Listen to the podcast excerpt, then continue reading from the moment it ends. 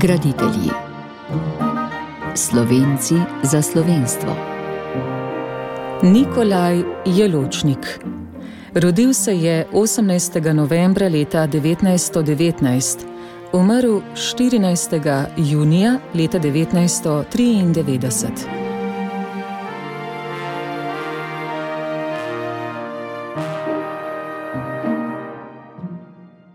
Gledališčnik, pisatelj in publicist Nikolaj Jelovčnik je bil po rodu Ljubljančan. Po maturi je študiral na Visoki šoli za dramsko umetnost. Maja 1945 se je umaknil na Koroško, kasneje pa odšel v Argentino.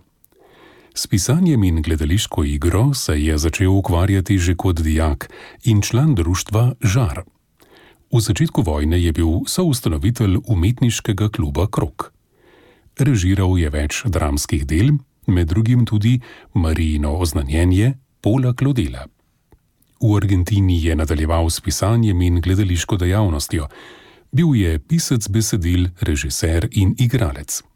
Članke, razprave in leposlovne prispevke je objavljal v Svobodni Sloveniji, duhovnem življenju, katoliških misijonih, meddobju in drugot.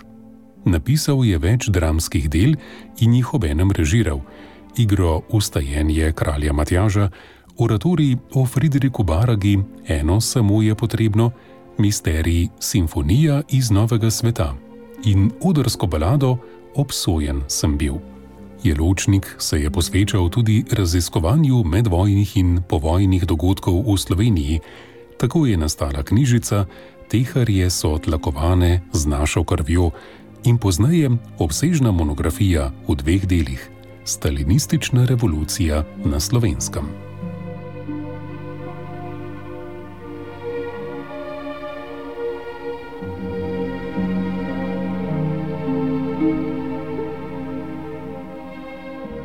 Nikolaj Jeločnik se je rodil v uradniški družini 18. novembra leta 1919. Živeli so v neposrednji bližini stolnice svetega Nikolaja. Oče je bil navdušen pevec tako na stolnem koru kot v glasbeni matici. Starša sta otroke že zgodaj upeljala v kulturno življenje mesta. Hodili so na koncerte, v opero, gledališče. Mati Helena je skrbela za versko vzgojo, ki ni bila zgolj v pobožnosti, ampak predvsem v osebnem zaupanju v Boga. Nikolaj Jeločnik, doma je bil Niko, je v pogovoru za tržaško mladiko v času plebiscita za samostojno Slovenijo povedal.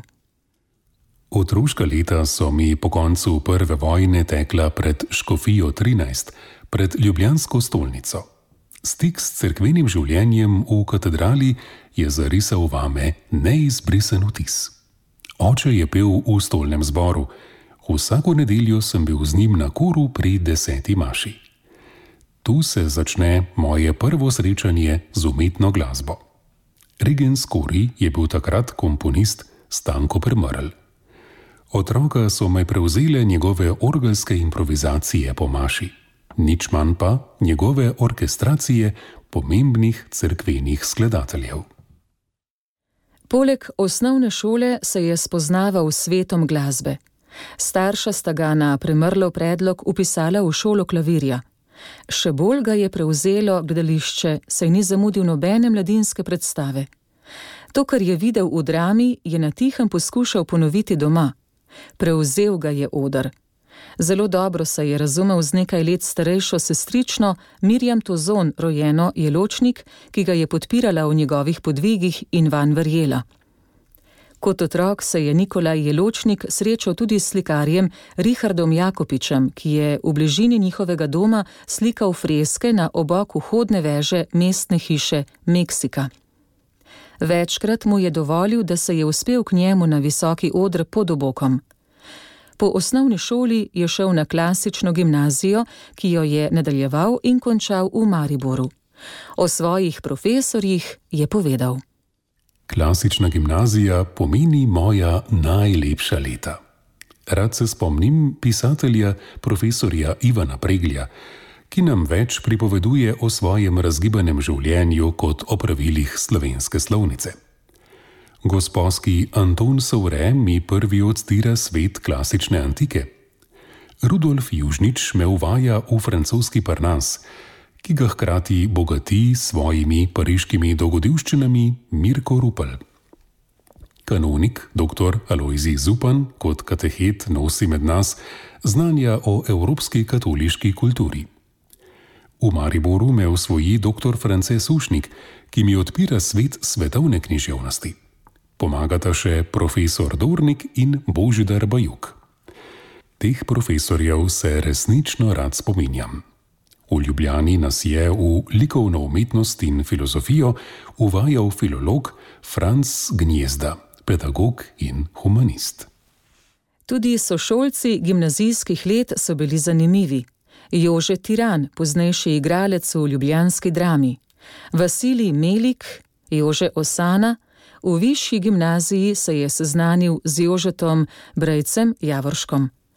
V gimnazijskih letih se je pridružil društvu Žar in se tam preizkusil z dramatizacijo romana Puščava bo cvetela Alberta Bresjeja. Igrali so na različnih ljubljanskih in okoliških crkvenih odrih.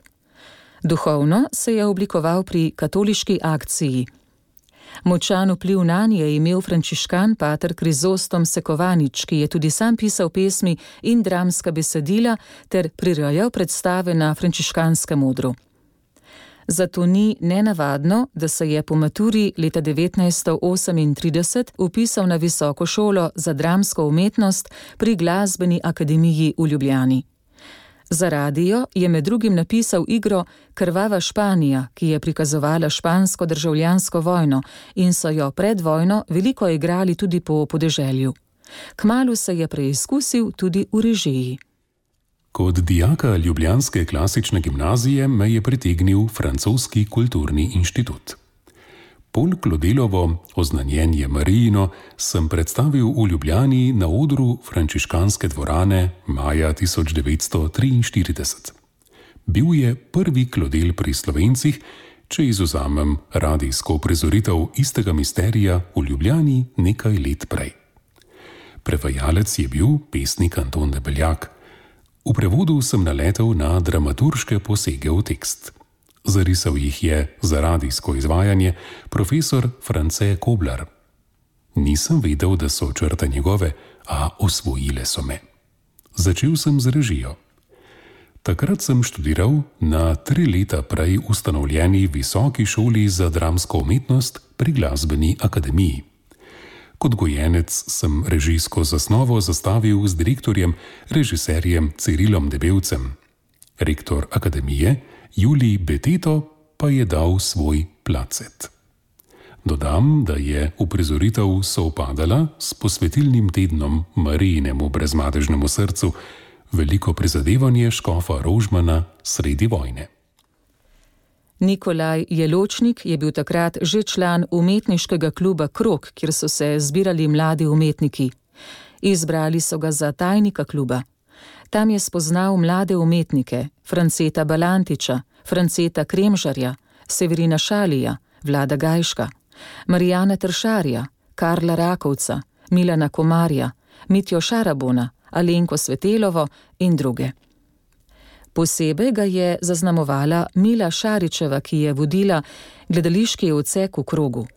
Duhovno se je oblikoval pri katoliški akciji v skupini mladcev, čeprav so ga vodili tudi k stražarjem. Po njegovi oceni je bila mlačevska organizacija, ki jo je vodil profesor Tomc, pomembna za bistritev duha, za utrditev discipline, za poglabljanje verskega življenja. Profesor Tomc nas je mladce odvračal od politične dejavnosti. Po naravi je bil tok mož, čustva je potiskal pod razum. Netoleranten ni bil, pač pa vas prevzet z načelarstvom. Mladega človeka je znal osvojiti. Pri mladcih je bila študentovska zaljubljenost prepoved, skoraj smrtni greh. Mogoče je bilo v njegovem krščanstvu nekaj pritajenega janzenizma. Tudi profesorja Lamberta Erliha sem poznal, pozdravljala sva se. V stražo me je povabil po dveh sošolcih, nisem šel, ker kot mladec nisem smel. Od Tomca ga loči svetovljanska širina, ki jo je znal cepiti tudi na svoje stražarje. Menim, da sta tako Tomc kot Erlih unesla veliko dobrega in žlahtnega v slovenski svet. Oba sta vzgojila mnoge plemenite mladeniške značaje, ki so svoje krščansko prepričanje potrdili življenjem v letih enobejovske avanture in v prvih mesecih po njej.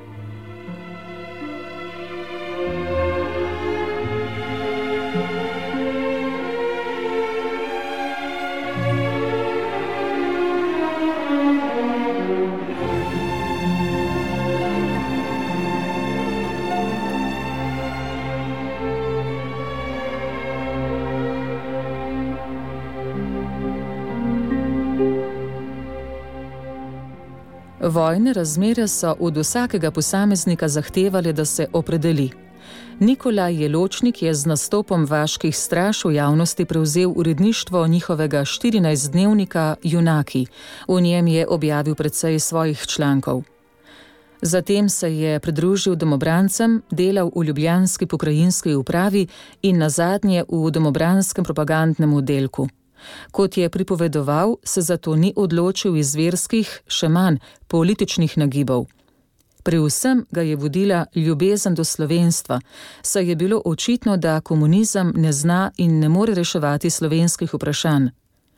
Bil je tudi priznan govornik, v tem času ga je močno prizadela Balantičeva smrt. S Francitom Balantičem me je vezalo iskreno prijateljstvo. Brž sva se ujela. Pri krogu je bil v gledališkem odseku, pri Mili Šaričevi. Njej je večkrat pokazal svoje pesmi, gospa ga je zelo cenila. Jokala je, ko je zvedela za njegovo tragično smrt. Ni se pomišljala na njemu posvečenem recitacijskem večeru brati njegove pesmi.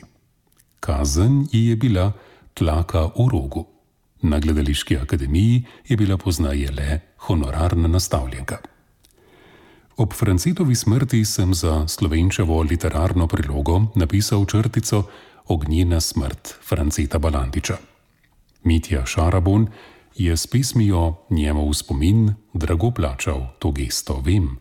Podobnemu plačilu sem se ognil ob koncu vojne z odhodom iz Ljubljane. Nikolaj Jeločnik je bil kot propagandist dobro leto zelo blizu generalu Leonu Rupniku. Sodeloval je na številnih javnih prireditvah, kjer je nastopil tudi general. O njem je med drugim povedal. General Rupnik je bil na vides res kontroverzna osebnost. Nikoli se ni potrudil, da bi se opravil očitka, da je pronemški. Njegova pronemška drža ni se upadala z razpoloženjem v domobranstvu, ki je še do dneva izdaje v vetrinju verjelo v zavezniško poštenje. Kot nekdanji avstrijski oficir iz prve vojne je Nemce gledal prijazno. Po vsem, kar so Nemci do jeseni 1943 počeli Slovenci na Štajerskem in na Gorenskem, je ta njegova prijaznost do okupatorja v protikomunističnih krogih motila. Osebno pa je bil poštenjak z velikim čutom za poravnavo socialnih krivic. Iz izkustva Dobro leto sem bil do konca vojne v njegovi bližini, zatrdim, na sto in sto rojakov je rešil zapora in internacije.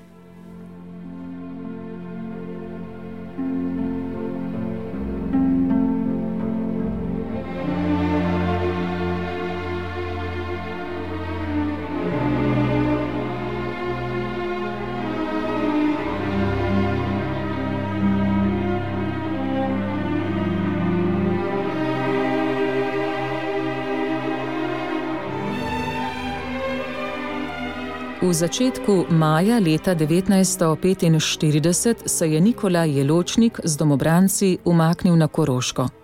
V monografiji Stalinistična revolucija na slovenskem je podrobno opisal, kako je po dnevih in po enotah potekal umik proti Tržiču skozi predor Ljubel in naprej proti Vetrinju. Sam se je umikal z Rupnikovim bataljonom, ki je odšel iz Ljubljane 8. maja in 10. maja nadaljeval pot skozi tunel na Koroško. Jeločnik je za mladiko na kratko povedal: Grenak je spomin na odhod iz Ljubljane. Zatekli smo se najprej ob Milštatsko jezero. Že zgodaj so nas Angleži potisnili v svoj lager, zapor v špitalu. Od tu sem sredi julija neko popovdne ušel. Čez gore sem jo ubral v Italijo. Monigo, Forli, Servignano, Senegalija, Reggio Emilia, Rim, Genova so moje begunske postaje. Preden so me pahnili čez ocean na jug v Buenos Aires, proti moji volji. Zmeraj sem želel ostati v Evropi, v nobeno Ameriko me ni vleklo, morda za ščepec v Kanado. Nikolaj Jeločnik ni bil vojak, a kot propagandist je bil na seznamu angleške obveščevalne službe in verjetno bi ga vrnili, kot so januarja leta 1946 generala Rupnika, zato se je odločil za pobeg in zamenjal ime. Do konca življenja je bil uradno Jose Petric in tudi na nagrobnem kamnu je zapisano to ime, pod njim pa Nikolaj Jeločnik. Po prihodu v Italijo se je v begunskih taboriščih povezal z rojaki, ki so skrbeli za bogato kulturno življenje. V Senegaliji je s profesorjem Alojzijem Gržiničem vodil slovenski emigrantski odr. Jeseni 1946 so postavili na odr Šekspirovega Hamleta. Za to odmevno dramo se je zvrstilo še več domačih in drugih iger, saj je v taborišču delovala tudi dramska šola. Tu so se oblikovali zametki Balantičeve družine. Proti koncu leta 1947 je igralska unima popustila, saj so najvidnejši člani, med njimi Jeločnik, odpluli proti Argentini. Prvi advent in prvi božič daleč od doma, ob Buenos Airesu, v svetu, s katerim se nikakor ni mogel sprijazniti. Jeločnik je moral začeti na novo. A najprej je bilo treba preživeti. Vsi načrti o življenju gledališčnika, za kar je bil usposobljen, so morali počakati. Začetnega odpora do nove domovine tudi v naslednjih desetletjih ni povsem premagal. Buenos Aires me ni privlačil. Začenja se lov za službami sredi neznosne decembrske vročine in vlage. Sprva delam kot težak pri državnih gradnjah, poznaje me z nekaterimi drugimi slovenskimi izobraženci nastavijo na Ministrstvu za javna dela. V pisarni se privajam živi španščini. Znanjem španščine se mi odgrne nov svet, svet španskega srednjega veka, baroka, romantike, miselnih in literarnih tren v prejšnjem stoletju. Kljub vsemu pa mi nova domovina le ni domovina. Po 44 letih se v Argentini še zmeraj čutim tujca. Dejansko živim v tujem svetu. Odbija me nekakšna prisiljenost, ponarejenost pristnosti v argentinskem življenju. Pogrešam iskrene ljudi. Težko naletim na koga. Vse je izumetničeno, vse narejeno, prineseno iz Evrope, tudi iz Združenih držav. V Buenos-Aireškem Babilonu sem doma po sili.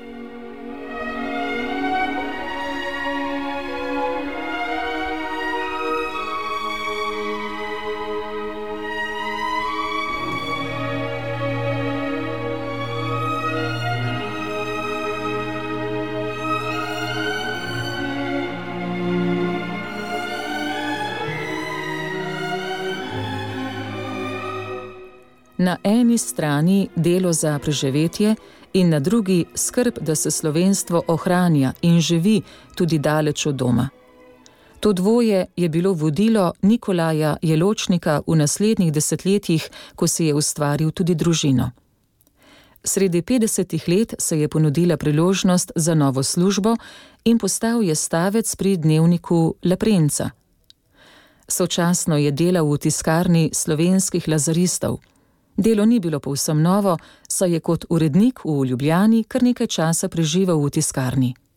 Za mladiko je povedal: Za stavca se odločim v 55 letih. Strojno stavljanje, danes iz mode, nese več kot časnikarstvo, kamor bi se tudi lahko vrgal. Do dobra sem se obrti priučil v tiskarni Baraga, ki jo je vodil Ladislav Lenček, Lazarist. Tam smo tiskali katoliške misijone in vse publikacije, kulturne akcije. Kot navaja Andrej Rod, sta z Lenčkom postala dobra prijatelja. Povezalo ju je tudi delo za misijone. Sočasno se je vključil v delovanje slovenske kulturne akcije, bil je med ustanovitelji. Poznaje je postal tajnik, vodja gledališkega odseka. Bil je urednik glasa slovenske kulturne akcije. Z leposlovnimi prispevki, članki, eseji in prevodi je sodeloval v srednjih zdomskih publikacijah, v meddobju, duhovnem življenju, katoliških misijonih, svobodni Sloveniji in glasu ska. Jeločnikova prva ljubezen je bilo gledališče in tej je ostal zvest tudi v Argentini. Spremljal je sodobno angliško, ameriško, francosko in špansko dramatiko, sledil temu, kar je nastajalo v domovini. Po besedah Franceta Pibernika je Jeločnik kot izrazit gledališki človek vsa leta skrbel za nenehno odrsko življenje v Buenos-Aireški zdomski skupnosti. Bodi si kot avtor dramskih besedil, bodi si kot režiser, bodi si kot igralec. Še posebej se je izkazal pri velikih spominskih prireditvah. Hkrati je deloval kot izrazit družbeni delavec v spopadu s komunistično oblastjo v domovini. Že leta 1951 je osnoval igralsko skupino Narte Velikonja in z njo najprej postavil na oder svojo dramo Ustajenje kralja Matjaža, katere uprizoritev je bila namenjena počastitvi junijskih žrtev v domovini. V igri je mnogo simbolnega, deloma pravličnega, religioznega, mitskega. To je omogočal motiv kralja Matjaža, seveda pa je bila uprizoritev postavljena v okvir splošnega spopadanja političnih beguncev z novo socialistično oblastjo v domovini.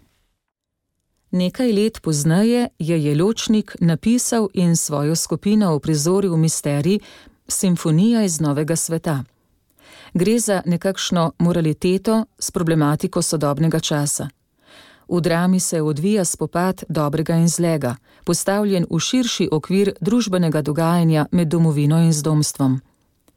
V njem nastopa zdomec, ki je doma pustil ženo in je izpostavljen nevarnosti popolnega utujevanja, medtem ko se žena doma sooča z reševanjem brata duhovnika. Nad vsemi bedi duh izseljenskega škofa Barage in vsi zapleti se rešijo z zaupanjem v božjo previdnost. O svojem gledališkem delu je Nikolaj Jeločnik povedal: Režiral sem mnogo, od izvirnih zunaj Slovenije napisanih tekstov do klasikov: Sofoklej, Aishil, Euripid, Shakespeare, Molière in slovenski Linhard, vse njegov gledališki opus. Gogol, do modernih, Eliot, Klodel, Morjak, pa izvirne drame, Franceta Papeža Gost, Branka Rozmana za naš čas napisane Roka za steno, človek, ki je ubil Boga, obsodili so Kristusa. Naj ne pozabim na Alojza Rebule radijsko igro Pilatova žena, ki sem jo iz zvočne predstavitve prenesel na oder in jo predstavil kot sakralni akt v slogu srednjeveških misterijev, zastavljeno pa v sodobnem ključu. Jeločnik svojih dram ni omenjal, kar kaže na njegovo skromnost. So jih pa opazili v domovini, med drugim France Pibernik, še bolj pa Taras Kermauner. Slednji je njegovim dramam posvetil posebno študijo, jih podrobno analiziral in jih povezal z najnovejšimi trendi v slovenskem gledališču. Med drugim je v času slovenske pomladi zapisal: Dokler slovensko občinstvo ne bo poznalo jeločnikovih dram, ne bo poznalo ne slovenske zgodovine, ne sveta, katerega destrukcija je današnja slovenska drama. Ob tem omenimo še dramo, ki jo je posvetil svetniškemu škofu Frideriku Baragi. Desetletje ga je občudoval in nekaj let pred smrtjo v spremstvu Toneta Zrneca obiskal tudi njegovo deželo oziroma misijon. Že veliko prej, leta 1955, je v katoliških misijonih išel njegov misterij Eno samo je potrebno. Delo je dramatizirana biografija misionarja Friderika Barage. Povzeta je njegova celotna življenjska pot od otroštva do smrti, in ker je njegovo življenje bilo duhovno izredno bogato in polno dramatičnih dogodkov, tako v domovini kot med delovanjem med indijanci, je imel jeločnik pred seboj, po besedah Pibrnika, izjemno gradivo, ki ga je oblikoval kot dramski oratorij.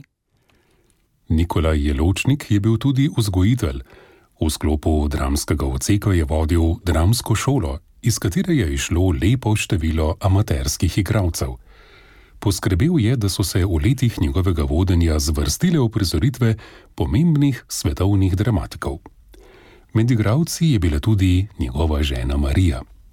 Med zadnjimi njegovimi režijami je bila mogočna predstavitev preširnovega krsta pri Savici. Vsi nastopajoči, tako igravci kot člani gledališkega zbora, so bili mladi, rojeni v Argentini.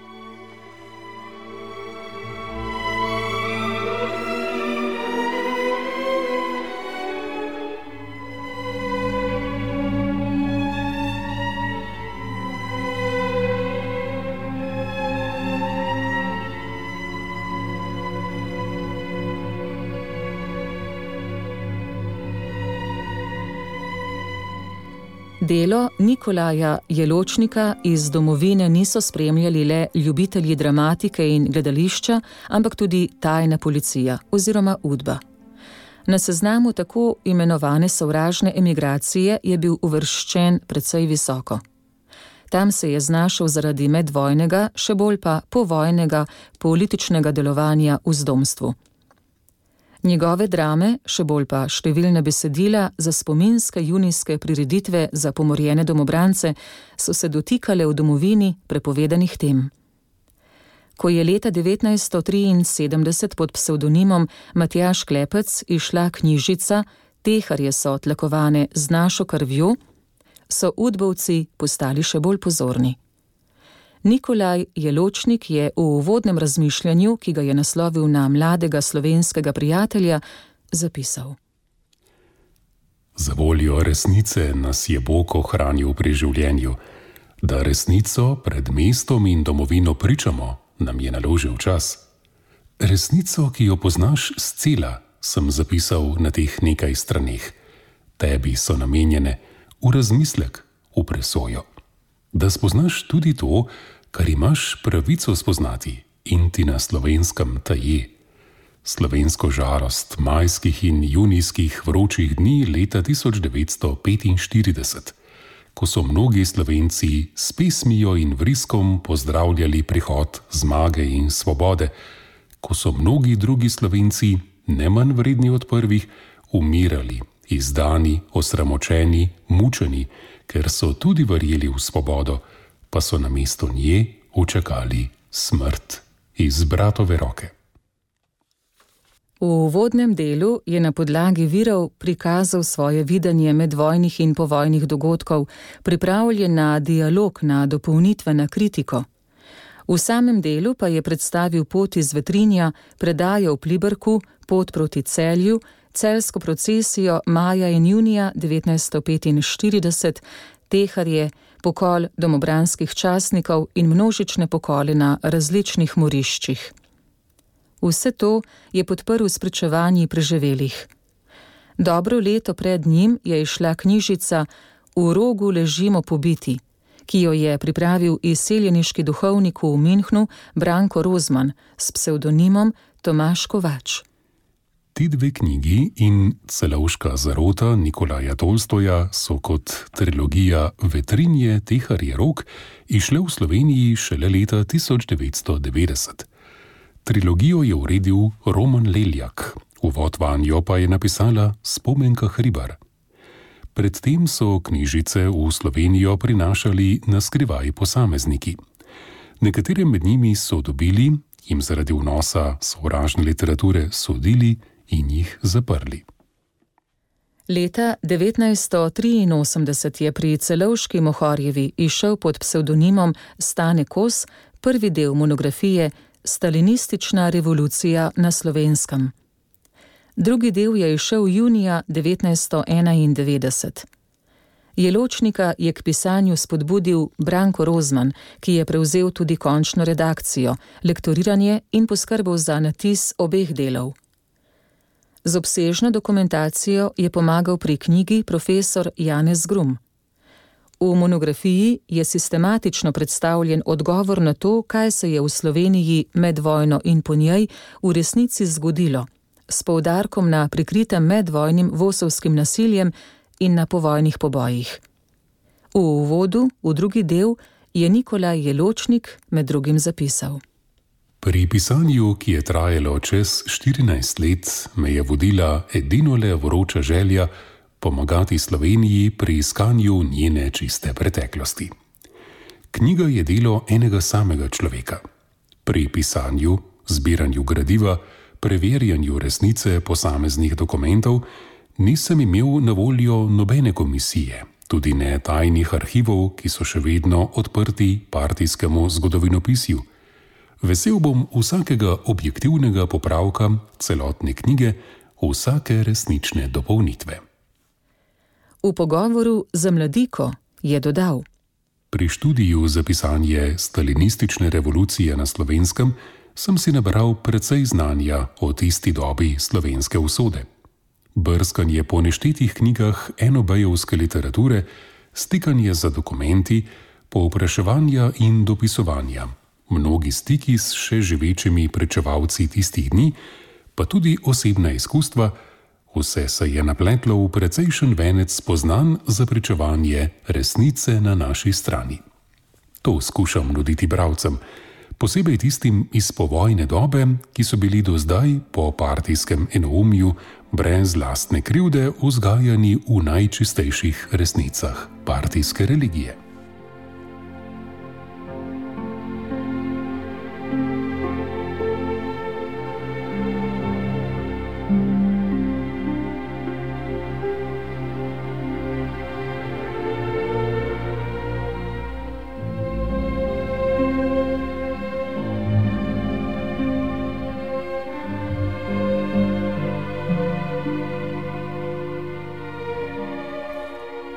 Decembra leta 1990, ko smo se pri nas odločili za samostojno in neodvisno Slovenijo, je bil Nikolaj Jeločnik pri Branku Rozmanu v Minhnu.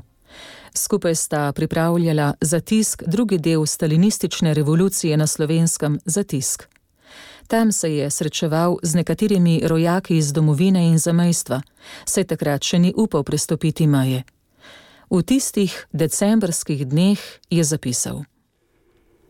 Plebiscit je bil za me največji življenjski dogodek. Posredno iz Minhna, kjer sem zdaj, sem glasoval za slovensko državo. Sen, ki ga sanjam vse življenje. Zaupam v božje načrte, v njih je tudi sreča Slovenije. Po tolikih žrtvah v zadnji vojni in revoluciji je slovenska usoda naravnana v zenit. Srečen in ponosen sem, da sem slovenec, kaj lepšega naj si želim.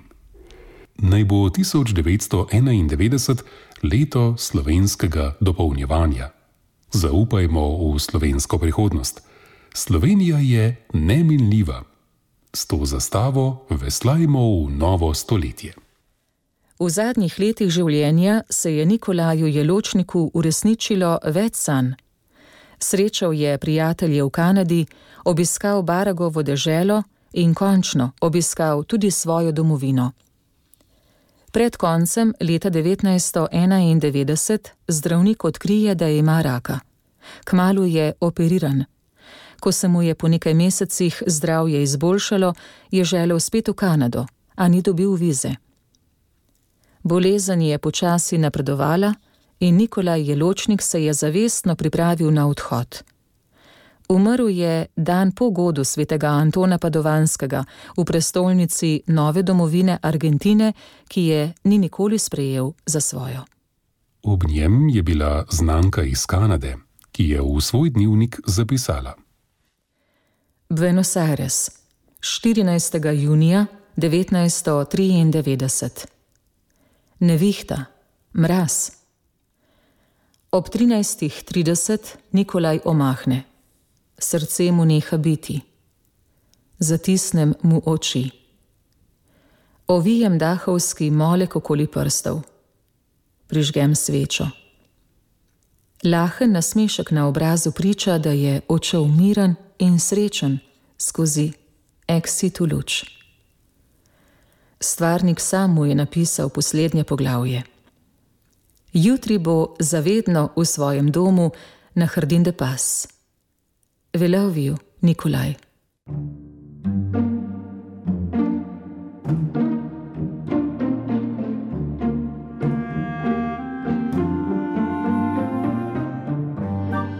Graditelji. Slovenci za slovenstvo. Oddajo o Nikolaju Jeločniku je pripravil Tone Gorjub. Brala sva Nataša Ličen in Matjaš Mrljak. Opremil jo je tehnik Miha Močnik.